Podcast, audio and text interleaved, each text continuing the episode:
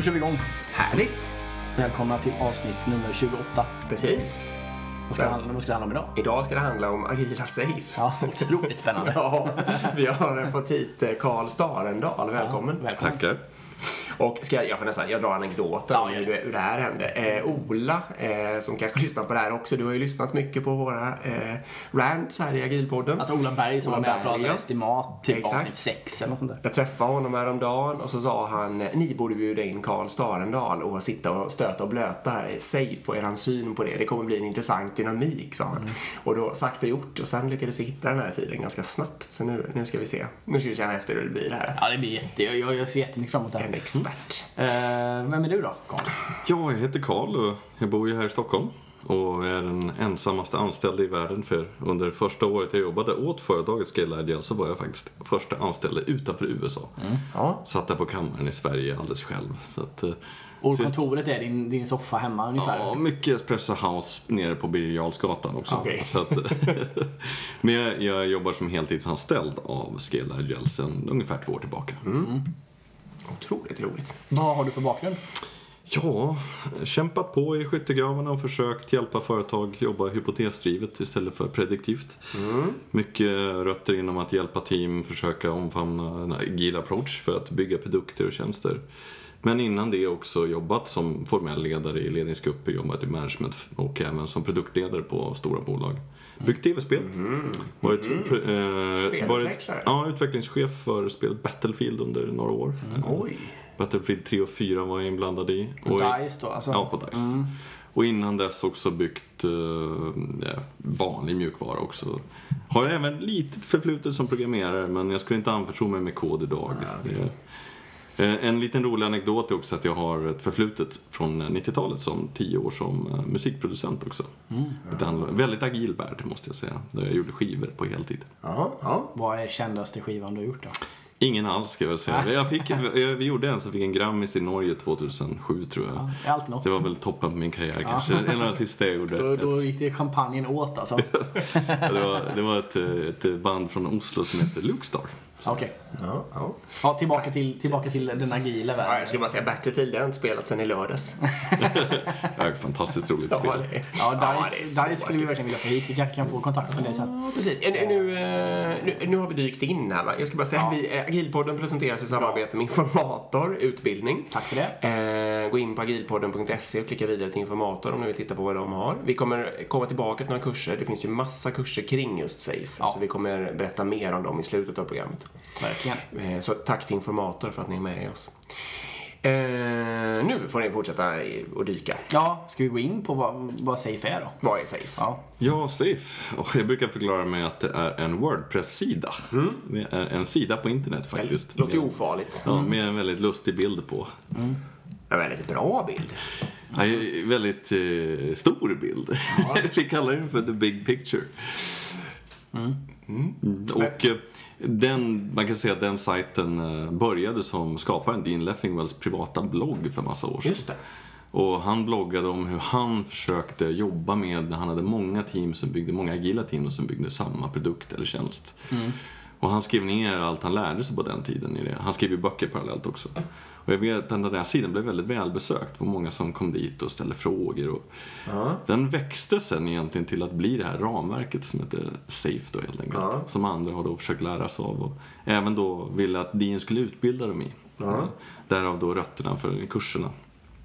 Så var så han, eh, egentligen det, det företaget Scaled Agile då, som jag jobbar åt växte fram. Ja. Och vi, vi ser till att ramverket finns och att det är fritt och tillgängligt på internet och det andra att det finns någorlunda vettiga kurser att gå i det om man skulle vilja använda det. Just det.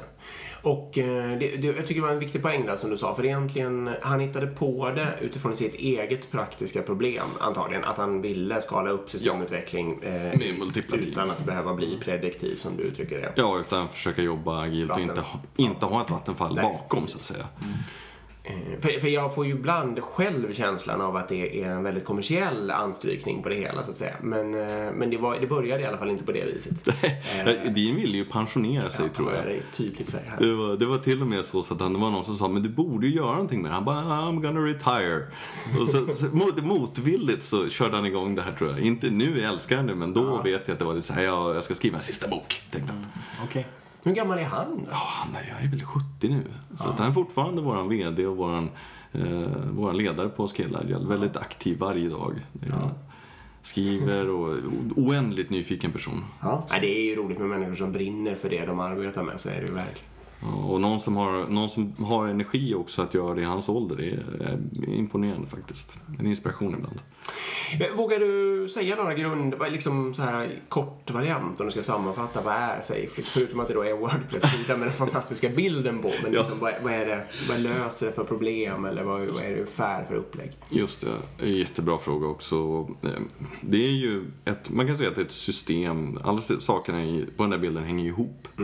Och i hjärtat så är det ju ett problem som jag själv stod inför för massa år sedan då jag såg kraften i de här agila teamen. Små team som kunde jobba nära varandra med eh, face-to-face kontakt och kunna göra små inkrement av lösningen istället för stora, stora delar. Och jag såg ju hur kraftfullt det var. Hur mycket bättre outcomes vi hade egentligen. Ja. Och då, blev, då började vi liksom bygga om organisationen till att vara bara sådana team. Och innan vi stod det var så satt jag där med 10-15 team. Och nu stod alla teamen och pekade på varandra och sa att vi väntar på varandra, alla teamen. Ja. Och då började men, men hur ska vi lösa det här? Och då kom någon farandes med Gantt-schemat igen. Och då var det så här, ja, 10-15 team som skulle jobba på samma sak. Ja, exakt. Vi byggde, vi byggde exakt samma lösning för kunden. Liksom. Och alla behövde integrera med varandra för att kunna få inkrementera lösningen. Och då, då kom någon farandes med Gantt-schemat igen och sa att ja, men då börjar vi med att ta kravställning först. Sen får teamen bygga kraven. Och jag säger nej. Men det här var ju det som inte funkade.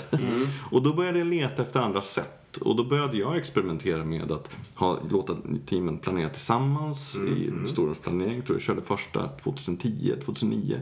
Visste inte vad vi skulle kalla det då. Och även kadens och synkronisering över hela värdeströmmen. Massa idéer som jag sedan upptäckte i Deans bok. Och såg att han hade gjort det. Och han hade döpt det till PI-planering och, och sånt. Och jag såhär, jaha! Och så började jag kolla på hans blogg. Ja, spännande. Så att grunden är egentligen, jag har många, många människor. Jag vill organisera mig i team som kan organisera sig själva. Ja. Som är i någon mån i sin sfär autonoma. Men dessvärre så behöver de alla integrera för att implementera hela lösningen. Mm, ja, så blir det ju om man bygger något Ja, stort. och då, Det- det förstår då kan du behöva eh, idéerna i Safe. Vad heter vilket årtal, eh, jag vet också, när, när skapades företag? Eller liksom ungefär? Ja, jag vet faktiskt inte, det här borde jag kollat upp. Eh, men jag pratar vi- på 10-talet, Ja, eller? 2012, 2013 Ja. Ja, började är komma igång. länge sedan. Mm. 2011 kanske första egentligen formella Big Picture kom. Nej, men det är okej. Någonting Det sånt. Jag- Jag bara för ungefär sju år eller något sånt där kan man tänka sig. Ja. Sex, Just, jag ska bara komma in på det. För det, det som du är inne på där är också lite en av mina fördomar mot Safe. Ja. För om man har beroende mellan team. Mm. Eh, det som jag tycker är det naturliga arbetssättet det är att man börjar titta på vilka beroenden har vi och hur kan vi bygga bort dem. Absolut. Eh, och då borde man titta på om vi har 100 integration- beroenden mellan olika team. Då borde man prioritera dem och så säga okej, det här fokuserar vi på att klippa bort. Japp. Att applicera safe på en sån situation kan många gånger istället göra att nej, men vi skapar en organisation för att koordinera de här problemen, inte för att lösa dem. Utan för att bara bibehålla dem eller till och med i värsta fall bygga på dem. Eh, så man skapar liksom en koordineringsorganisation bara för att hantera alla beroenden man har. Istället för att faktiskt lösa root cause som är att man har Ja, beroenden. men, så långt det någonsin går så bör man väl lägga sin arkitektur så att man, så teamen kan jobba självständigt. Det är väl den här streamingtjänsten med den gröna loggan ett bevis på till exempel. Som vi Conways som lag. är ju där. Ja, du, vad säger den? Conways lag säger att din sociala arkitektur och din tekniska arkitektur är kopplade. Du kan inte ignorera någon av dem. Utan de, den, organisationen tenderar att producera teknisk arkitektur som eh, speglar den sociala Ja, arkitekturen. och vice versa också. Vilket är intressant. Det var därför man tänker att ja, det var ett smart sätt att uttrycka det på. Mm. Precis. Nej, och jag säger, man kan väl applicera en koordinering, det är, det är inte det. Men det blir ofta liksom, Men, det kan är då sig. man tar- det till det och då det, är- det, det, det är inte nödvändigtvis rätt tillfälle att göra det på. Men Om, det, det, jag upplever ofta att om du, har, om du bygger en lösning, eh, till exempel det var ett team i USA som bygger F22, dess eh, simulatorn till F22. Det är en stor apparat, F22 är ett flygplan och sen så utbildar man piloter. Då har de en jättelösning för egentligen att simulera hela flygplanet, den fysiska kroppen och allting. Det är hundratals människor inblandade att bygga den här. Mm. Och de hade ledtider på år förut för ens minsta lilla ändring i systemet. Alltså, klassiskt. Och de skulle bestämma allting up front, det skulle budgeteras, det tog lång tid. Ja. Och då började de istället då, eh, organisera sig för att kunna leverera små inkrement av hela lösningen med några veckors mellanrum. Och då är det mjukvara, hårdvara, alltså allting. Det är multipla domäner som möttes. Och de måste med, eller liksom det är svårt att... Och be- beroendena där, eh, då har man börjat givetvis första man ser är ju då att oj vad många beroenden vi har, det är därför vi är långsamma. Då får man refakturera. Men man kan inte refakturera bort beroendet att de bygger samma lösning. Nej. alltså man är en användare. Så så i en slutända så den som, den som kom- konsumerade det de byggde var en person, piloten. Och han tycker att det här funkar inte. Då behöver alla de här teamen tillsammans lösa det problemet. Det gick inte bara för ett team att göra det. Utan ofta så slog det liksom över hela värdeströmmen på grund av att det kunde vara ett, en ny förändring på flygplanet som förändrar hur den fysiska modellen, den matematiska och så vidare. Nej, och, och, Väldigt komplext i det fallet. Ja. Och det, det är klart, det är min poäng är väl också, det är klart det finns tillfällen då det är lämpligt att applicera en koordinering av koordineringen. Men jag tycker bara man missar att, och jag tycker Safe bjuder in till att missa det också. Det bjuder inte in till att lösa beroendena. Ja, det, och, om man, och jag skulle säga att om man, om man ser beroenden och är långsam och inte har möjlighet att integrera eller att leverera, då borde den första vettiga responsen vara att refaktorera de beroendena. Exakt. Och lösa dem. Ja, men det är väl Och, och där tycker jag, är ofta det mitt första steg med när vi börjar med den här typen av approach är det att vi ser alla beroenden som vi aldrig sett förut. Och det är ju så kraftfullt för att genast så se hur, istället för att eh, människor som kanske är inblandade men som inte har insikt nu säger, det är inte alltså våra medarbetare som är långsamma. Det är alltså att vi har en tätt kopplad organisation, och arkitektur som håller oss tillbaka och en tätt kopplad beroende, tätt kopplad beroende över hela lösningen. Och då flyttar fokus dit istället. Och då är vi på rätt plats. För du kan inte managera vad du inte ser. Nej, men så är det Det klarar, går ju inte. Eller det precis brukar få människor klara av. Ja, när är, när är det rätt? Vad är det som behöver finnas på plats liksom? För att man ska... Jag får ju vara krass och hela min erfarenhet säger att det är en, en sak primärt. Ja. Och det är att de som leder organisationen har för, förståelse, kunskap, insikt och vilja. Ja. För att det här innebär inte ett nytt sätt att bygga produkter på utan det innebär primärt ett nytt sätt att leda och tänka. Det är en ny, ny approach, det är en hypotesbaserad approach till hur vi ser på värdeskapande i organisationen. Ja. Och det är en så fundamentalt annorlunda modell för hur man ser på verkligheten. Nu är inte verkligheten prediktiv längre utan den är, den är driven som en lärandekedja. Ja. Ovanpå det så är medarbetarens, tillväxten av medarbetarens kompetens en av huvudnycklarna för att nå dit. Så vi, det är nästan så att den vänder ofta på den, den traditionella sättet att leda på. Eh, jag, jag tror Lean pratar man mycket om det här konceptet, om jag kommer ihåg det rätt nu, Lean Manager Leader Teacher. Som är liksom den typen av person som kan anförtros med att leda en organisation där man jobbar med ett klassiskt lean för manufacturing. Då. Och det är en person som inte bara tycker att det är trevligt att vi har lean i fabriken, utan som på riktigt embody the concept. De som djupt förstår systemtänkande och som kan applicera det i hur de leder och hur de ser på verksamheten. Och om vi inte har dem i organisationen, då är det oftast väldigt svårt. Men du säger, om du säger så, då tolkar jag också in lite att man behöver ha ledare som på riktigt förstår, alltså även kärnverksamhet, som behöver förstå hur kod skrivs då och sådana där saker liksom. Det ska jag nog inte säga. Utan det handlar nog mer om hur värde skapas i organisationen och hur det är kopplat till konceptet Ja, systemtänkande men, genomförande. men jag menar kanske inte, jag menar att de behöver kunna skriva kod, men jag menar att de behöver på riktigt begripa liksom att en utvecklare, liksom det här med att den, den sitter där, den checkar ut, den checkar in, det finns pipelines och liksom alla såna här saker. För det finns ju drösar av ledare som liksom inte på riktigt djupt ner liksom, har känsla för hur det där går till på något sätt. Ja, i min erfarenhet i alla fall. Och att det kanske är väldigt viktigt. Det är väl i och för sig viktigt eh, oavsett om man kör safe eller inte. Men det, det- det är sånt jag tolkar in när du säger samma grundläggande egenskaper som en lean ledare eller någon som leder i en lean-kultur behöver. Liksom. Ja, jag, jag skulle, domänkompetens är viktigt, absolut. Men jag skulle säga den, den absolut viktigaste som jag har sett är att det är en människa som vill lära sig, är kapabel att lära sig och också är kapabel sen att lära andra och tänka på ett annat sätt. Det är ofta en så otroligt annorlunda sätt att se på hur en organisation leds. Det, det är inte längre jobba fortare eller just get it done. Det, vi tar bort de verktygen. Nu börjar jag trycka mina fördomar här lite så vi ser, ser vad som händer här. Men jag eh, behöver, det, är det liksom meningsfullt från sju team och uppåt? Det, är jag hört. ja, det är inte någonstans meningsfullt för fem team. Det är väl väldigt kontextuellt. Beror på, om du känner att vi, har ingen, vi, vi behöver prata med varandra på ett strukturerat sätt, vi behöver lite hjälp. Då kanske idén om att mötas i ett rum och planera tillsammans kan vara smart. Ja, ja just det. Ja, då kan man stjäla bara ja, en då, så att. Exakt. Eh, eh, så att eh, när det börjar göra ont. När, om någon frågar mig så här, vi, vi är 12 här, ska vi köra safe? Då ska jag bara säga, nej, gå och ta en öl och prata ut för guds skull. Mm. Ja, men Hur svårt ska det vara? Precis. Liksom, så- Men då är du inne på det spåret lite. Ja. Min andra fördom säger mig att det måste vara att man jobbar liksom på en applikation på något sätt. Ja, fast där, Det passar inte riktigt lika bra för sådana system när man ska ändra i fyra applikationer och synkronisera. Det där hänger ihop med att förstå hur um, grundkonceptet är att organisera för hur värdet flödar i organisationen. Ja. Och där behöver man ju förstå det som kallas för värdeströmmarna i organisationen. Ja. Och det är ju ett fundamentalt koncept inom lean och även så inom Safe då, som bygger på Och lean. även inom agilt överhuvudtaget. Ja. Men att, att, så att förstå hur värde skapas i organisationen, vilka steg det tar för att realiseras Ja. och vad värde faktiskt är. Att mappa ut det och försöka förstå en initial hypotes om hur det ser ut och sedan organiseras kring de här flödena av värdet. Ja. Det är nyckeln då. Ja.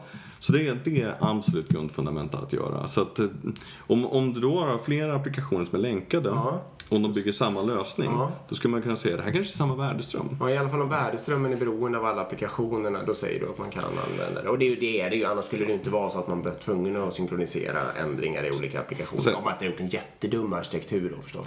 Men, Sen får jag vara krass och säga att ofta när jag gör det här så är ju då att man har byggt en väldigt tätt kopplad organisation.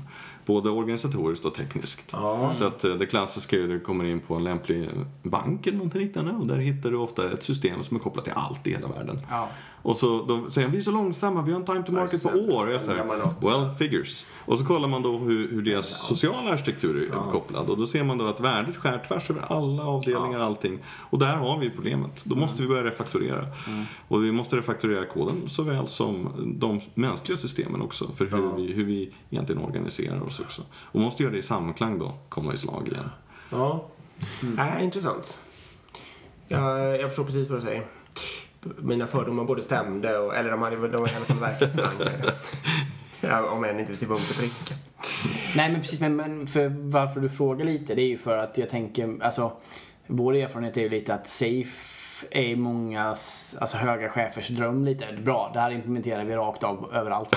Jag ska, jag ska, nu måste jag, får jag gå, gå igång lite Ja, här nu eller? kör. Alltså, det är många höga chefers liksom våta dröm, eh, eller om jag ska uttrycka mig annorlunda. Många höga chefer dras liksom som flugor till honung när den här bilden dyker upp Mm. och, och så här. Och, alltså det är helt absurt för att det kan vara, ja men jag- alltså, jag skämtar inte. Det kan vara liksom ko- kollegor till mig som så här kanske bara har hört talas om det i några minuter, någon har nämnt det. Så direkt sådär, alltså, det, där, det där ska vi köra, jag måste veta mer, det här ser bra ut.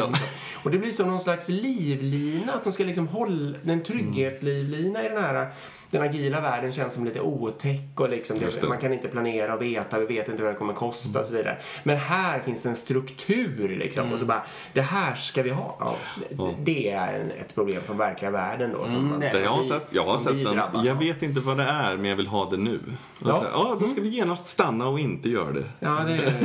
Och så ska vi utbilda oss själva i vad det är och försöka förstå vad det, hur vi kan använda det innan vi gör någonting. Det är... Din approach, eller ditt svar. ja, ja, ja, mitt svar är bara så här, Mm. kan jag få alla era chefer i ett rum i minst två dagar för att utbilda dem? Nej, det har de inte tid med. Och då säger jag, då har ni inte tid med mig.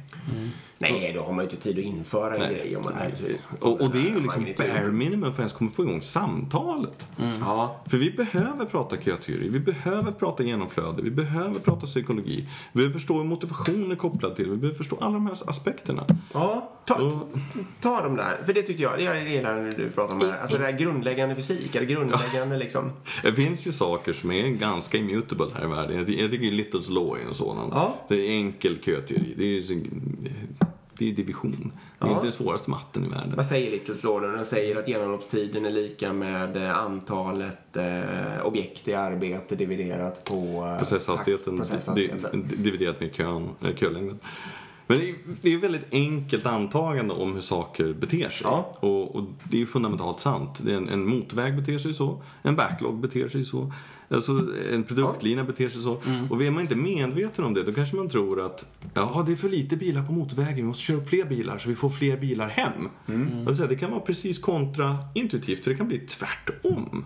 Men är man inte blir ju medveten om... tvärtom. Ja, det blir ju en tvärtom. viss nivå i alla fall. Jo, men om man inte är medveten om kvätteri, då kan man då se att vi utnyttjar inte vägarna i samhället. Ja, precis. Eh, Och då är det så här, fast vad menar vi med utnyttjar? Du menar väl värdet av att vi kommer hem i tid? Ja, så fler på vägen.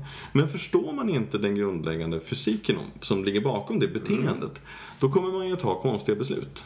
Fler bilar på vägen. Många människor skulle ju begripa det eh, vad gäller just en motorväg faktiskt. Men eh, kommer man till ett sjukvårdssystem eller något Nej, då sånt där, så är det ju Då får man ju för sig att det är bra med hög beläggningsgrad istället. Liksom. Ja. Ja, det, Den där, men det är en Mm. sån som, det är ju ofta i min värld ett kunskapsgap initialt. Ja. Och sen också kan kunskapen med lite tur och stöd ändra också ens världsbild. Ja. Hur man ser på orsak och verkan. Så den är en sådan. Och jag tycker mycket psykologi är också missad som eh, gruppdynamik och, och eh, liksom motivationspsykologi och sånt som är det finns tonvis med forskning på sedan hundratals år tillbaka. Ja. Och, eh, så träffar jag människor som är beslutsfattare och så frågar jag vad kan du om det här fältet? Du leder ju människor, det är ju ditt jobb. Och de kan ingenting. Och då blir jag så här, nu har vi ett fundamentalt kunskapsgap. Och då är det jättenyttigt att, att hjälpa människor att ta till sig ny kunskap och fortsätta lära sig kontinuerligt kring de områden som faktiskt där finns domänkunskap som är direkt applicerbar. Ja, mm. Jag gillar ju det här betraktelsesättet då. Men jag menar, jag väl, jag vet inte om jag liksom, hur har jag? Jag, har ju- jag tycker mig ha viss grundläggande kunskap om gruppdynamik. Det har kanske många ledare i och för sig. På, nå- på något teoretiskt plan i alla fall. Där Men, men däremot, äh, mänskliga drivkrafter är det ju många som helt struntar i att försöka se. Eller de tänker sig att piskan är den enda rimliga drivkraften. Där saker, liksom. moroten också finns ju där. Kanske, ja, ja, kan, kanske lönemoroten och så vidare. Men liksom det här, eh, det är ytterligt få, och återigen om jag hoppar liksom till mina egna erfarenheter av människor runt omkring mig som förstår vad det är som är så himla fiffigt med gamification på den här lite snälla, enkla nivån. Liksom att man bara tjänar flörtkulor eller, eller ett fikabröd eller såna där saker. Eller bara poäng som inte har något värde alls. Liksom. Och folk går bananas och jobbar ju hårt som helst. Ja, precis. För, och jag menar, det är ju, många spel är ju, ja, du kommer ju från spelindustrin så du vet ju det. De är ju uppbyggda på det viset. Liksom, man samlar något helt enkelt. Eh, Men det är jättefå människor som först, liksom, ser hela det mönstret och förstår det tycker jag. Det är otroligt intressant att du tar upp det. Vi hoppar tillbaka bara där till ledningsgruppen igen och det här som Ja, vi var på innan. Vi, ja, men- ja, vi, kan hoppa, vi kan hoppa lite fram och tillbaka. Okej. Då tänkte jag på det bara just för jag, tror det här med att folk gillar safe också på ledningsgruppsnivå. Det här, det här vill vi ha utan att veta Mm. vad det innebär. Det är lite som det här McKinsey-fenomenet. Nu ska vi såga McKinsey här tänker jag. För det, det är lite det fenomenet att en ledningsgrupp tar in, de, de har något svårt beslut liksom. Vad ska vi ha för ERP-system i vår liksom, backbone? Ja, ja. Eller vad ska vi, ja, hur ska vi jobba, hur ska vi organisera oss? Det är en klassiker liksom. Vi ska skapa digitalisering, hur gör vi nu liksom? Då vill man själv inte ta ansvar för det beslutet utan då tar man in McKinsey, det kostar jättemycket pengar och så kommer de med ett fiffigt förslag. De har lite best practice och sådär, det är skönt att luta sig mot. Men den största effekten här, det är ju att ledningsgruppen kan, om det här skiter sig nu, digitaliseringsresan går fullkomligt åt helvete. Då har man ju världens chans att säga att ja, McKinsey kom med fel förslag så därför blev det fel. Ja. Eller hur? Så men det är ju världens trygg, liksom, det är ju brasklappens brasklapp liksom. Eh, och därav tjänar de mycket pengar. Eh, Safe Alltså förstår ni vad jag menar? Det är lite, lite McKinsey här. Att, alltså att okej, här har vi något agilt Det används på det bra. viset, ja. Och då kan vi använda det som ett eh, så. Och så och, agila resan funkar inte. Safe implementation gick fel. Nej, det var fel på safe. Vad ska vi titta på härnäst? Då, eh, Istället för att ta Ta väl S nu. Ja. ja, men då tar vi less. Exakt. Ja, Eh. jag, det är väl därför som jag säger återigen att de här ledarna som kan leda förändringsresan och också vara de som inte bara vill ha det utan också förstå vad det är. De är nyckeln. Det är de som, det är de som inte bara säger att jag vill ha eh, kortare ledtid, de säger också jag vill ha mindre köer. Och jag vill ha eh, att vi också motiveras av vårt arbete, att ni ska kunna känna det, att det är viktigt. Att det är en person som förstår vad det är och kan fråga efter det. Vi- Innan, nu, innan jag tappar den frågan bara. Men eh, apropå det här med att utbilda. Om man just skulle vilja ha någon utbildad, eller utbilda mig själv då, för att vara lite ödmjuk istället, i lite sån grundläggande mänsklig psykologi som är intressant för det här fältet. Hur gör jag då egentligen? Uh, Google är vår vän va? Ja. Google kan ju berätta mycket andra saker också men eh, jag, jag skulle nog börja, om det är psykologi så skulle jag börja inom gruppdynamik och faktiskt nog gå på en UGL-utbildning i Sverige. Ja, jo, men Eller läsa på Sus- Susan Whelan överlag, hennes modeller.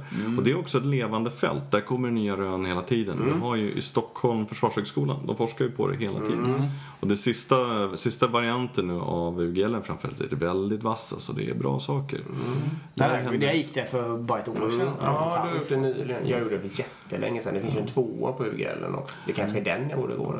Men jag tänker just drivkraft, fokus. Människors drivkraft är ju väldigt komplexa överlag. Ja. Och det är ett område som är notoriskt svårt Ja. att ha perfekt reproduktiv forskning på där man kan Ja. reproducera perfekt och så vidare. Men det är ett stort fält som är större än på morot och piskan i alla fall, det kan jag väl säga. Jo, jo, jag håller helt Men Pia-Mia är ju inne på det till Yes. exempel. Ja. Hon gör sådana undersökningar. Hon har ju någon egen... Vi har ju fått inbjudan till det. Den här Race, eller vad den nu heter. Jo, någon p- Ja, just det. Just det, just det, just det. Ja, Ja. det är sant. Det är sant. Man kanske kan Och kontakta hon kan säkert teorin bakom också. Så. Hon kanske skulle kunna rekommendera hur man bör lära sig. Ja. Men om det är ett fält, eller ett område, så är det systemtänkande framför allt. Mm. Att kunna förstå hur system fungerar och hur framförallt hur värde rör sig i ett sammankopplat system. Och att det är ganska komplext. Mm. När jag började studera systemtänkande för flera år sedan så tänkte jag att det här är ju ganska enkelt. Men desto mer jag lärde mig, desto mer jag att det är hur djupt som helst. Mm. Och det är, just bara det fältet är ju så... Om du, om du driver, om du leder en organisation som är stor, många människor som samverkar, som bygger i sin tur många sammanlänkade produkter. Att inte försöka sätta sig in i systemtänkande då, det är ju nästan galet. För det, det är ju nästan hela fundamentat för det komplexa nätverket av människor och teknologi samverkar. Så där är ju ett fält att verkligen läsa på om. Men det är ju, ja, jag jag har det fullständigt med dig. Det är ju en, Erik var inne på det alldeles nyss, det, det här med trygghets... Eh, alltså det är ju trygg... Om man, det är just som du säger, om man läser mer och mer och det bara blir svårare och svårare. Många människor då som liksom inte... Eller, det kretsar ju om rädslor och allt möjligt. Men jag menar om man då kan, om man har någon anledning, jag ska inte döma, men hänfaller sig åt sitt trygghetsbehov, då kommer man ju inte att vilja ta i det där. För det där systemtänkandet är ju stort, komplext, otäckt, besvärligt och så vidare. Jag vill ha Och då- enkla svar. Ja, och då, då kan man ju hamna i det. Ja, men jag ger dig ansvar för den, den här lilla delfabriken och fixa så hög beläggningsgrad som möjligt. Liksom. Ja. Och Men- subopt- suboptimera. Exakt. Om vi bara har bättre projektledare, Ja. då Ja, men precis. Fler solglasögon för den som har sett eh, vad det nu heter för någonting. Zero fler? Velocity. Fler solglasögon för den som har eh, lyssnat, varit på Agila Sverige och lyssnat på Zero Velocity eller sett filmen. Ja, nu får ni, jag, jag pratar så mycket. Hugg Ja, vi, men vi fortsätter i fördomsträsket då. Ja. Vi går in på, vi går in på rypp, eh, ryppkopplingen till safe. Just det, Rational Unified Process, Mm, den gamla godingen. Den vad har en koppling till koppling? safe. Ja. Ja, jag tror, jag, mig veteligen var jag aldrig så insatt i RUP utan jag har bara läst på mer efteråt. Jag, jag har ju liksom bara jobbat agilt hela livet. Jag har ju liksom aldrig egentligen gjort något annat. Jag har blivit utsatt för Vattenfall flera gånger. Mm. Så att, och var ju såhär, men det här är ju farligt. Och sen så har jag fått det bekräftat vid Suttit slutet i av projektet. tunnan och utkastad så att säga. Ja, lite så. Eh, Men... Ja. Jag har ju förstått att det var en ganska prediktiv modell och att den var också inte så publicly revealed, eller hur? Det var bakom någon sorts paywall också, jag för mig. Ja. ja. Ja, man köpte det upp. Ja, man köpte det på Och något sätt. anpassade till sitt egna bolag dessutom. Kunde man göra. det. Ja. Och att du pratade om de cigarotterna, de här man pratade Ja. om. Att det är egentligen en prediktiv fasdriven modell. Men man Ja. sa att för att den ska funka måste faserna överlappa. Men jag har också förstått av människor som gjorde att nej men det skippar vi. Ja, det- ja. Och då, då, då blir det ju en prediktiv modell och det är ju, det är ganska, Safe är ju en helt och hållet empirisk modell. Ska jag säga, jag vet inte när RUP kommer, det är väl 90-tal, men ska jag säga något positivt så får man ju säga att när de började tänka i de där cigarotterna och började bryta fasgränserna så var de ju inne på någonting. Och Man, man kan ju se det som en liten tidig touch på att någon började misstänka. Sen misslyckades det precis som du säger. Eh, Det andra som jag själv minns att jag lärde mig från RUP, om man ska säga en positiv sak till, det är att det var då jag lärde mig att det är smart att bygga bort de tekniska riskerna, de största tekniska riskerna först. Men det är väl lite, jag menar jag var väl kanske lite så här agil i min själ utan eh, redan då. Så jag snappade väl förstås de grejerna kanske och andra snappade annat. På En sorts Ja. cost of delay-tänk. Ja, Ja, ja, precis. Jag har jobbat med RUP dessvärre och det är otroligt mycket dokumentation Ja, det är det i varje steg Det är och det är, över, det är så otroligt många interfaces i överlämningarna. Alltså det är, Det är hela vägen. Ja, ja. Eh, och det ska skrivas stor dokumentation som ska överlämnas till nästa person som ska göra ytterligare design som sen ska, utveckla en annan person och testa ska en ytterligare person göra och så vidare. Men det vi ska säga med RUP-kopplingen till Safe det är ju att grundaren till Safe har jobbat på det. Jag tror han jobbade på i alla fall företaget Rational ett tag. Ja. Det är det jag vet i alla fall. Mm. Jag har jobbat på Skilla i två år. Jag tror inte jag har hört ordet uppnämnas en enda Nej, det är klart. Det är väl ingenting man är stolt över idag kanske. Ja. Heller. Jag tror, tror nog kanske att det finns mycket lärande från eh, varför det inte kanske var nyttigt alltid. Mm. Jag tror att använda en prediktiv modell på ett komplext händelseförlopp är ju ganska farligt. Det kommer man nog alltid, då kommer man nog alltid att skada sig själv på ett eller annat sätt. Nej, det är vi överens om. Det är, det är vi överens absolut.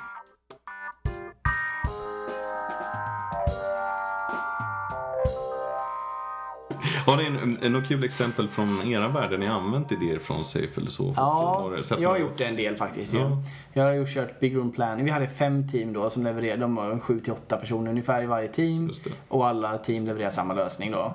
Eh, Men i samma kodbas så vi var tvungna att releasa ihop. Liksom. Vi hade inte oberoende mellan teamen så de kunde releasa oberoende av varandra. Utan vi var tvungna i slutändan att merge ihop till en gemensam miljö och releasa. Ehm, Och eh, då körde vi Big Room Planning för det var viktigt att teamen hade någon form av översyn vad de andra teamen gjorde. Just det. Eh, och vi fick till det ganska bra. Vi fick till det till slut så att backloggen var liksom bara på väggen och så fick teamen själva plocka de aktiviteterna de Snyggt. ville göra liksom. Så vi, Snyggt. vi tvingade inte ner grejerna på teamen utan de får själva plocka. Eh, och sen hade vi ett systemteam också. Systemteam enligt Safe då är ju egentligen att man plockar ihop typ mjukvaruarkitekter ihop med lösningsarkitekter egentligen. Och så kollar man på en teknisk skuld som man matar backloggen med liksom. Så backloggen är både nya features och teknisk skuld och för att få fram de här teknisk skuld-featurerna nu får du rätta mig om jag har fel, men det är så här jag har tolkat det. Eh, det är ofta, det är ju typ blå och rött om man kollar de här bilderna ju. Eller hur?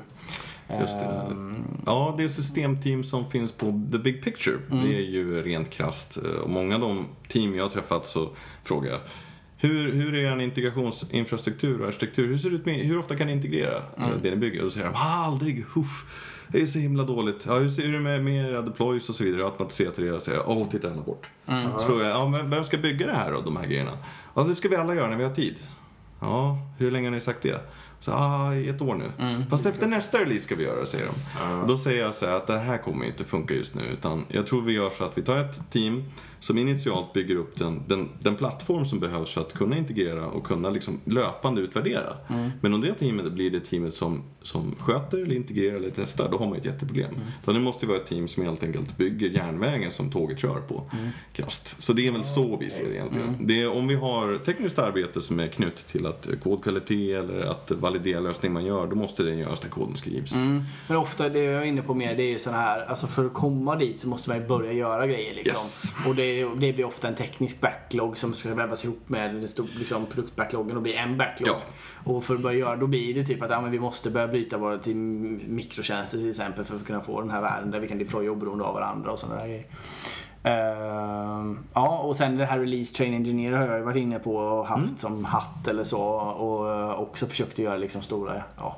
Vi körde, så här, vi körde att teamen levererade på två veckor men så körde vi gemensamma leveranser var åttonde vecka och ja, lite sånt där.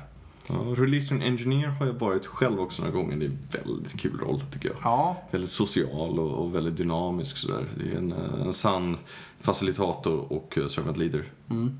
Väldigt rolig. Ja, utmanande men rolig har jag Mm. upplevt själv i alla fall.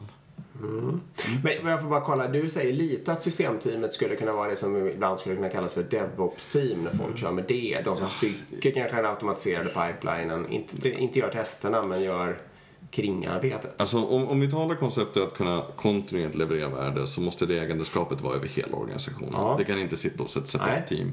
Så DevOps är, blir ju alltid ett sätt att se på hur värdet rör på sig. vara det, ja. Det jag märkt är att till exempel är det framförallt arkitektur och infrastruktur för att kunna integrera och kunna validera validera, löpande. Så behöver det byggas upp och då är det ofta ett systemteamsjobb. Men återigen, om ni sitter där med ett team som gör allting och kan allting, då har ni en bottleneck. Ja, ja. Så det, det är ofta ett pragmatiskt sätt att få den fokus som krävs på de frågorna tidigt.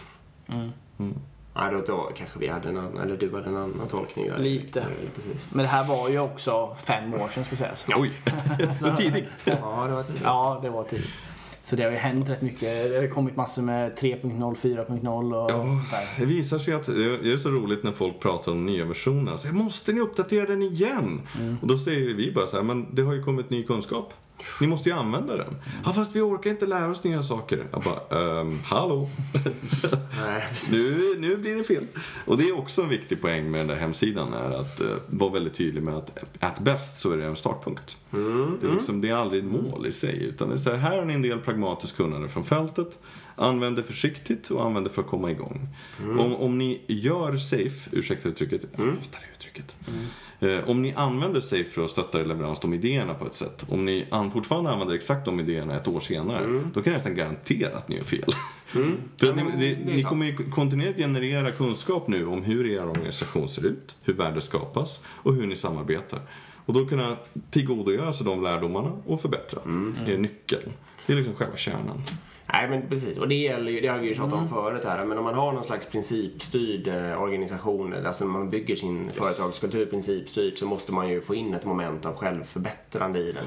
Eh, och det gäller förstås det här också. Verkligen. Det här är inte, råkar inte vara perfekt uttänkt. precis Nej. ingenting annat är det men, liksom. nej, men det, det håller jag såklart med om. Men det som Safe lurar i det är ju att första bilden man får det är ju att det här är Ja, perfekt ja, jo, uttänkt. jo, jo. Bara tillsätt alla roller. Här är alla rollbeskrivningar. Börja jobba så Sen är här du så ni är hemma liksom. Du kan Ja. rulla ut. Rulla, är. exakt, Ja. rulla, ja, exakt, bra. Du kan rulla ut det.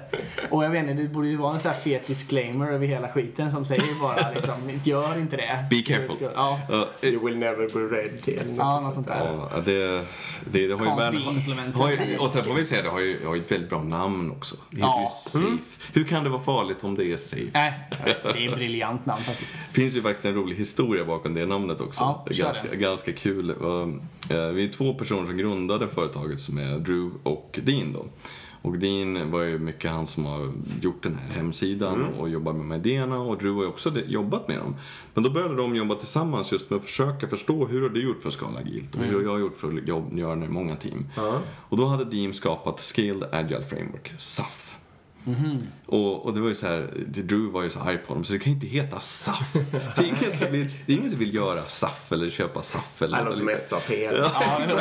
Så, och då var det så här, vad ska vi heta då? Då, då var det så här, Deans dotter heter Emily. Och så då la han dit ett E Ja. för henne och då blev det safe. Och då, ja men det går att snacka om. Det är därför E är litet i Safe Ja. också. Exakt, för det, det, är inte, det står inte för någonting förutom kanske Emily. Det varje gång vi pratar om det där så brukar Dean småle lite grann så jag vet inte ifall det är ett skämt men jag, hans dotter heter Emily.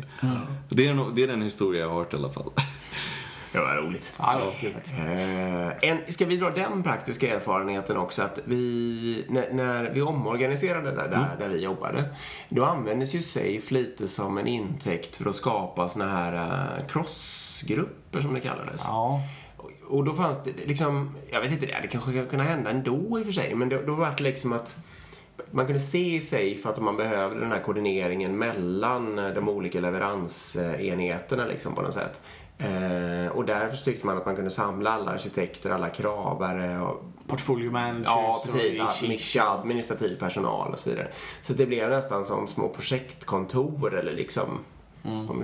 Och de hade, kunde ju då heller inte, de hade ju absolut inget end-to-end eh, de satt ju liksom bara med några Intressant. eh, precis, grejer. Eh, Det måste vara något som ni, de eller ni kom på själva. Ja, eller? det är det ju. Ja, Men det precis. är inspirerat av liksom. Mycket inspirerat av. Och det, det är ett typexempel. Jag säger absolut inte det här Ja. nu för att liksom säga att safe, att safe är dumma. Men att Nej. det är en typisk en sån grej som, jag säger det till alla er som lyssnar där, som ni liksom kan se upp med. Att eh, liksom fel använt för snabbt och med för lite kunskap som Yes. du säger Karl.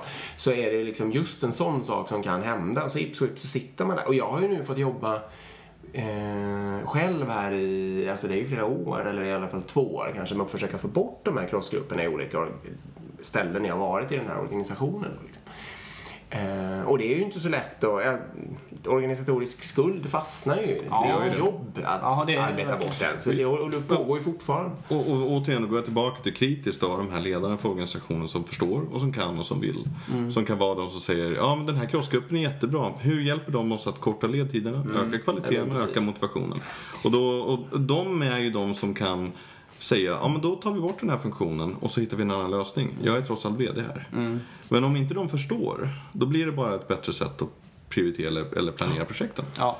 Precis. Och då, då har vi en, då hjälper det inte. Nej, då blir det bara eh, ja, Och här- här- ett onödigt tvådagarsmöte som Ja. jag brukar säga. Ja, här är ju verkligen två, eh, alltså två synvinklar på det liksom. För jag tror min synvinkel har varit lite att jag blamear safe för att det används fel. Förstår du Vi hamnar ju lätt där. Vi, ham- vi, vi skyller ju liksom, ja, för, för menar man, eh, alltså kunskapsnivån på befintliga chefer, eller och eller liksom, ja men vi tar chefer då, är ju som enligt vår teori ganska låg liksom. Mm. Och det gör att sådana här eh, ramverk, det är klart, sätter man ett sånt här ramverk i smarta människors hand liksom, som fattar agila arbetssätt så är det klart det går att använda jävligt mycket bra grejer liksom. Självklart. Och det går att säkert använda det mesta och det kommer funka hur bra som helst. Problemet är att det landar ju i deras händer men också i händerna på de som inte förstår någonting. Mm. Och då kan, kan det här ramverket göra det bra mycket jävligare än vad det var utan ramverket. A fool with a tool is still a fool. Ja. Det är ju så. Men Där- problemet är att ramverket försämrar också. Förstår du? Även, alltså förstår du? Om man tar en fool då med ramverket blir värre än en fool utan ramverket. Mm. Så det har en skadlig effekt ibland också. Ingenting jag sett personligen kan jag säga. Men eh, det jag har sett däremot i kraften också, för jag vill ogärna falla in och basha, åh det är alltid ledarnas fel. Jag det att jag har sett en otrolig kraft i när ledare i organisationer som har faktiskt mandat, som äger organisationen, som kan påverka systemet som helhet, när de får insikt och kunskap och stöd. Vad de kan göra. Och vilken kraft det är i att se dem också beröra sig i organisationen, jobba med medarbetarna, jobba med kunderna och ha med sig kompetensen och kunskapen nu om hur köer faktiskt har bildats i organisationen. Hur motivation är kopplat till medarbetarna, till arbetet. Liksom hur systemtänkande faktiskt är applicerbart i deras vardag. Otrolig kraft. Så att det är, ny, nyckeln är ofta att få med dem på tåget. Och det var det jag saknade när jag jobbade med agilt på teamnivå i massa år. Var att jag upplevde ibland att vi gjorde skum i en låda som jag sa. Vi, eh, för vi sa, de sa ju då att de som bestämde att ni fick skumma hur mycket ni vill. Bara ni levererar på tid och på budget och på påskap. Och rapportera till projektledaren. Ja, och då, då sa jag, men då, vi måste förstå värdeströmmen, hur värdet flödar. Och då fick jag bara säga, jag förstår inte ens vad du pratar om. Och då insåg jag att vi har ett fundamentalt kunskapsgap. Och jag kan inte stöta bort de här människorna. Jag måste ta med dem på resan. ju. Och då behöver de dels få stöd, och dels få utbildning. Och sen få stöd, stöd, stöd. Och inte då att sitta och kräva en förändring eller sitta och kräva bättre saker. Utan leda det arbetet. Ja. Ta det ledarskapsansvaret. Och när jag har lyckats med det och ta med dem på resan. Då är det nästan så att jag kan släppa händerna och bara säga, nu händer det grejer. Det, de är en sån, sån nyckel.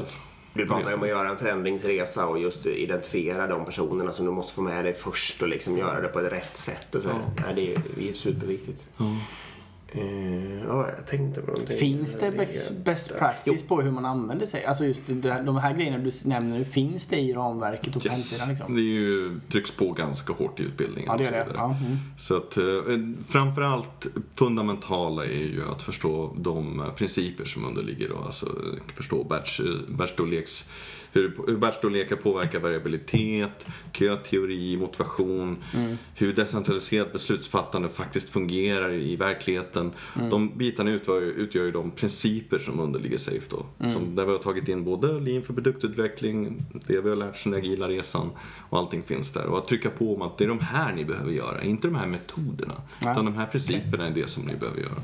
Mm. Förklara, säg nu, nu sa du det här eh, orden batchstorlek påverkar variabilitet. Ja, eh, det du kallar de för de nio underliggande principerna för SAFE. Och det blir ju läxförhör då att jag kan de här. Så, Ja, men kör, det kan vara roligt att höra. Det är ju- okej Jag att ju staka sig lite. Jag tror att vi pratar om att ta ett ekonomiskt synsätt. Att förstå att ekonomin är en fundamental faktor. Och om vi bygger det här före det så får det en helt annorlunda utfall än om vi bygger det andra för det andra. Ja. Så vi behöver förstå hela tiden återkopplingen till vad, vad är en outcome för vår organisation här. Och det kan vi inte göra utan att ha ett helhetssynsätt som också inbegriper ekonomin i det hela. Så det är därför cost of delay är en av de viktigaste synsätten i ett flödesbaserat system. Då, För den enkapsulerar det tänkandet. Och sen eh, idéer som att faktiskt också förstå att vi behöver decentralisera beslutsfattandet i organisationen radikalt.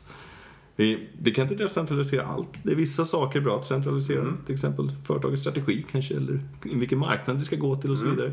Men i så lång mån det är möjligt, decentralisera allt Tryck ner alla beslut så långt Ja. vi någonsin kan, men absolut inte längre. Mm. Nej, eh, och, och då försöker jag göra det. Och jag kommer tillbaka till när jag pratar om det här ofta med befintliga ledare så säger de nej fast Karl, mitt problem är att vi har för dåliga beslut så jag måste fatta dem. Ja. Och jag har sagt fast du har ju mindre information om de här besluten. Och mindre kompetens Ja, och när, när beslutet åker hiss till dig så, så går din ledtid upp. Mm. Och du säger att ni är långsamma i marknaden. Så jaha.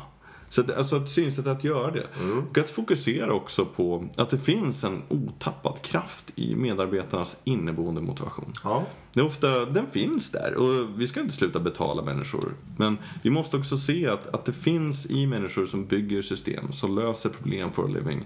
Så finns det också en glädje att vara delaktig, få bli inblandad, få bli tillfrågad. Det finns en kraft i det. Ja, för- Jag- jag brukar säga, det är som jag en- flika in en positiv bara. När vi pratade servant leadership här någon gång så, um, vad är servant leadership? Och då tog vi ju en definition och den är ju, eller vi hämtade den från Safe, den kanske kommer någon annanstans Okej. ifrån. Så det är ju en sån här positiv sak som Erik och jag verkligen har sett med Safe, så är det just att hitta det till exempel. Verkligen. Ja, Förlåt, jag, jag fort- rekommenderade, jag, bara säga det, jag Ja. rekommenderade senast igår lunch Ja, att någon skulle klicka in på sig och läsa på vissa roller och så. Så, Men absolut. även då att visualisera det pågående arbetet. Mm. Det pågående arbetet. Att limitera det. Så det, det ett pågående arbete måste begränsas. Och det är också en sån här fundamental pivot point för många människor. De säger varför det? Då får vi är mindre det gjort. På batchstorlekarna och vad det Ja, i krasst mängden till att börja med. Ja. Men vi behöver också minska ner batchstorlekarna. Och det är ju primärt för att accelerera feedback. Att Ja. kunna få feedback snabbare. Och de här sakerna är ju ganska, alltså om du inte visualiserar, då kan du ju inte managera. Du kan inte, you can't manage what you can't see. Nej.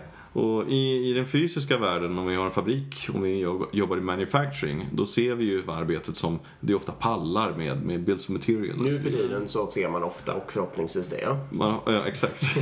Om du går in i en väldigt busy fabrik, då ser, då du hur det ryker och det är grejer överallt.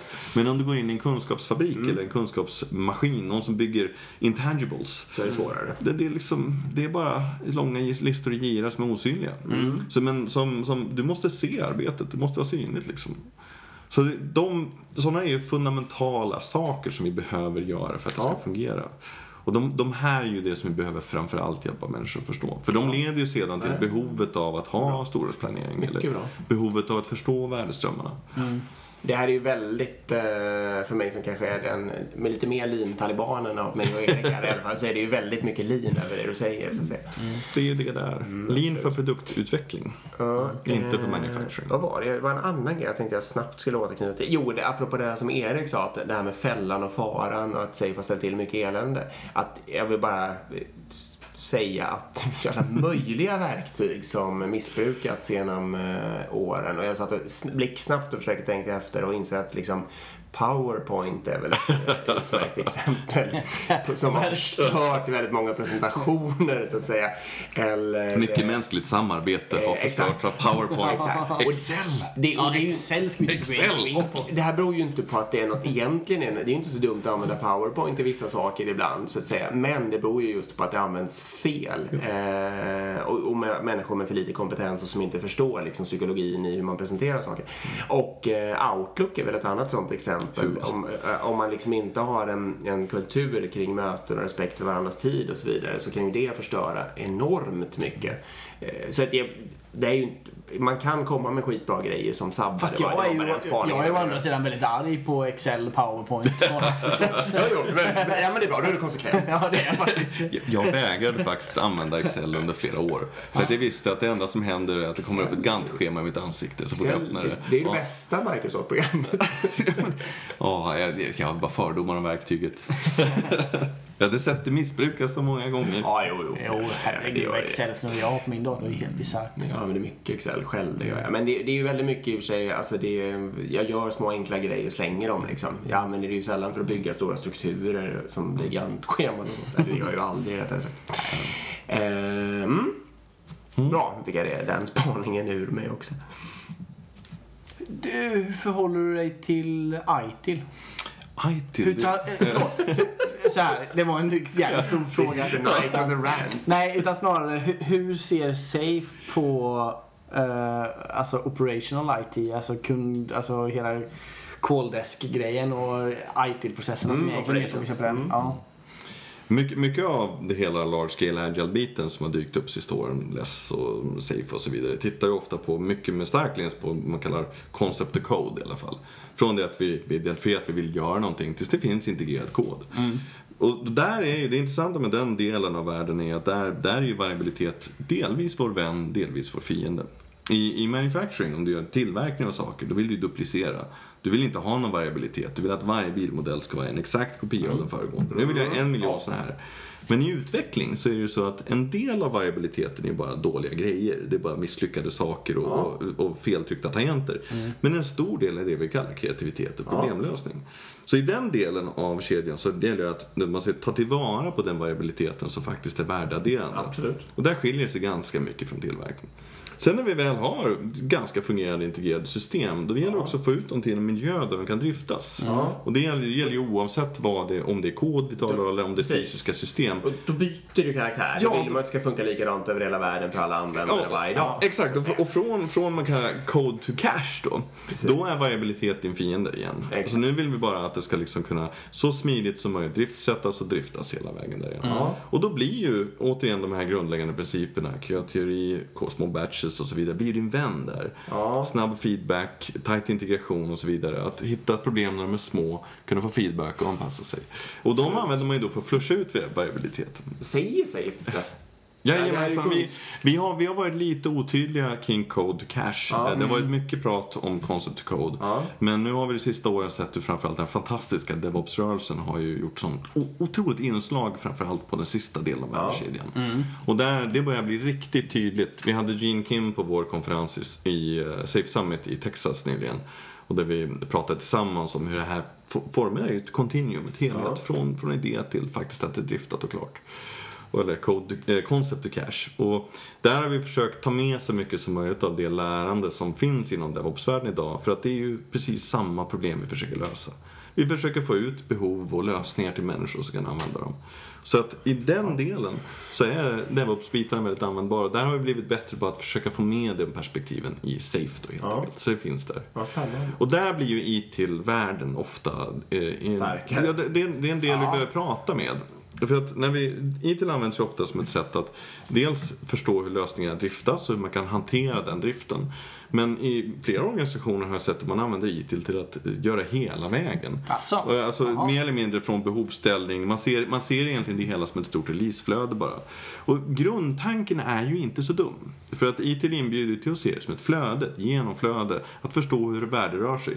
Problemet är att jag oftast, i nio fall av tio, har sett det användas för att motivera stora batches. Ja. Och då har vi ett jätteproblem. För stora batches leder till stor variabilitet, långsam feedback och bara dåliga saker. Så oavsett vad du använder, se till att du, att du provo- provocerar fram eh, motiverade medarbetare, snabb feedback, små batches och så vidare. Men också, jag har en vag, eller jag har ju gått ITL-kursen certifierat mig en gång i tiden. Alltså, det var ju inte, det var inte värdeströmmar som ritades Nej. upp direkt. Utan Men det var ju komplicerade flödesscheman som gick kors och tvärs, hipp som happ, hur som helst. Och man kunde absolut inte se värdeobjekten. Det är en gammal modell och den har väldigt starka inslag av att världen är prediktiv. Ja. Och det blir fel. Ja. Men jag, jag ska inte såga det rakt över. Jag tycker det, det, är, det är bra att, att komma in med idéer som att klassificera vad som kommer från produktionsmiljön och förstå SLA eller responstider som är överenskomna och så vidare. Det, det är ganska bra saker att prata om. Men det innebär inte att ett ramverk det kan styra hela er, Ja. hela er livscykel. Jag säger som Erik sa förut, jag tycker du är snäll. Men och, eh, Jag, jag, jag tycker alla de här, det är ju bara verktyg. Alltså, alla de här idéerna vi har kommit fram. Det fantastiska Scrum, min favorit Kanban liksom. Kanban för mjukvaruutveckling, otroligt kraftfull. mm, jo, det är det. Och, och hela, även, det finns delar i allt, men om du inte förstår vad du vill använda det till och hur det faktiskt fungerar, alltså, och varför det fungerar, då är det ju hjälplöst. Du, det är ju nästan meningslöst att använda det. Och då, det går ju tillbaka till att använda den här webbsidan, Safe då. Om du använder den utan att förstå varför det fungerar, ja, då, då Det kommer det nästan bra. alltid att bli dåligt. Jag har faktiskt inte hört de eller använt de begreppen i alla fall. Vad sa du? Concept to code. Ja. Och sen code to cache. Ja, man brukar prata om det som De har ett ganska bra sätt Ja, att faktiskt. Och dela- få människor att det. begripa att det är två olika, det är olika karaktär och att bägge är lika viktiga och massa sådana där saker. Ja, jag gillar det, jag ska bara tänka på det sättet. Värt att belysa att det kan, du får ju se upp så att du inte får en förenkling för det formar ju ett continuum från egentligen från concept to cache. Ja. Eh, om, du, om, du, om du delar in det i två faser, ja då har du ju egentligen en stor handle för mitten, ganska farligt. Så att det handlar, ja, det handlar ju... men ja, okej. Men det, det, hjälper. Yes. eh, det hjälper att tänka då. Large scale agile kan ta det i concept to code. DevOps blir mer och mer relevant från code to cache. Ja. Men båda överlappar. Det är kanske cigaretter. Vi kan, här har vi något. Här har vi något. vi kanske ska göra en egen modell. Sega Rottans eh, Revive. Nej, men det, är, eh, det går inte att separera de här concernsen. Det, det formerar ett continuum från det att behov uppstår tills de, de behoven är lösta. Det är den roligaste frågan jag har fått för övrigt. Säger råttor? Nej. Utan, nej. låt, låt mig prata skulle du Ja, säga. det ska. Ehm, jo, om, om vi planerar att releasa ett framework, du och jag alltså. Det är ju briljant. Har du någon fråga? Ja, Ni skulle bara veta. Agilpoddens framework. Ja, det är snart klart. Ni behöver en, Oj, oj, Ni oj. behöver en snappy title. Det här ska, Ja. det ska följas till punkt och pricka och det kommer vara dyrt. Dyrt som fan. Det, det tycker jag dock är en av de bästa sakerna med just eh, Scaled Framework och en kraftfull insikt från Dean från början. Han säger det att kunskapen, Carl, det säger jag inte med hela tiden, kunskapen i det här måste vara eh, fri. Den måste vara publicly facing and available. För Han säger det att det, liksom, det, det går inte att komma runt det. Nej. Eh, det är, alltså, idéerna i Safe måste vara tillgängliga för de som vill använda Ja. dem. Och, och det har varit eh, hela idén från början och det tycker jag är ganska kraftfullt. Och då har ju Mm. frågan varit, ja, men hur ska du ha en business då? Han säger, men det, vi får väl sälja kurser i det liksom. Så Nej, jag håller med. ITIL är ju till exempel inte det. Nej, just det. Det är ju helt stängt. Eh, så det håller jag verkligen med om. Ja. Kul! Ja, verkligen. Det var jättespännande. Det låter kanske som vi är väldigt negativa nu, men det är bara kul att få skjuta hål på någon som verkligen kan det Det är liksom. superkul att prata om det. Bra. Ja. Har vi något mer? jag börjar känna att jag snart kan avrunda. Är det något mer du vill ta upp? Ja, säg. Ja, det är väl återigen påminnelsen om att eh, det är en webbsida och att eh, idéerna där, vi har ju inte skapat det mesta. Utan det mesta är ju helt enkelt eh, lånat och lärt och taget av människor som har, vi går ju liksom i andras fotspår. Andra som har gjort resan innan. Bara de som etablerade Scrum, allt arbete bakom Kanban för systemutveckling. Alltså det är enorma kunskaps, kunskapsbanker. Och, och om det är någonting man ska tappa in i så är det Donald Reinersons arbete. Han har ju framförallt skrivit en bok om eh, Product Development Flow som den heter. Som är väl det, det är en av de böckerna, de böckerna som ligger under Safe som ett, ett fundament. Ja. Och hans arbete inom Lean för produktutveckling då är ju absolut foundational. Den boken när jag läste den då, ja, för första gången, första gången jag läste den så blev jag arg på den och slängde den i väggen flera gånger. För att det var hundra principer och ingen brödtext. Och den, den är otroligt to the point. Och väldigt, väldigt kondenserad. Andra gången jag läste boken så strykte jag under alla ord i boken. Oj, och eh, eh, nästan eh, hade någon sorts så här, ögonblick där jag höll på att bryta ihop för jag insåg varför det hade gått åt helskotta så många gånger förut. För jag, Och det här och i bärsstorlekar och köer och, och herregud. Och tredje gången så läste jag alla understrykningarna. Jag är nog inne på fjärde snart. Det är, det är fantastiskt arbete. Och, och det här är ju då, den här webbsidan innehåller ju kunskapen från allt det här. Så när någon säger, hur ska jag, hur ska jag jobba med agilt, agilt synsätt på min produktutveckling i skala? Och då säger jag, ja, du ska läsa de här 100 böckerna, gå de här 30 kurserna och så måste du ha praktiserat i 10 år. Och så säger jag bara, men Karl, jag kan inte. Och det bästa jag kan säga, ja men kom, kolla igenom hemsidan, gå på kurs. Då får du i alla fall mer någon sorts kondenserad Ja. kunskap av det och gör det med någon som är bevisligen kunnig i de här frågorna. Ja. Och sen det, det andra är ju att om ni gör en sån här resa, försöka förstå också, att- eller försöka ta med er att, att eh, ledare i organisationen som inte bara vill ha det här utan också förstår vad det är och kan leda det arbetet i att försöka få det här att hända i organisationen är nyckeln. Mm. De här, de här lina ledarna så att säga som, som vill, vill se världen på ett annat sätt och är kapabla att slåss för det. Mm. Och precis, jag, jag, var inne och, och browsade i Safe innan vi träffades idag. Och det har jag varit många gånger innan också. Men, men jag ser det är mycket referenser till exempel Kniberg också som var vår förrförra gäst här. Mm. Är ju- Alltså det är ju genier de här människorna. De har ju gjort jättebra arbete Mm. och etablerat alla de här koncepten.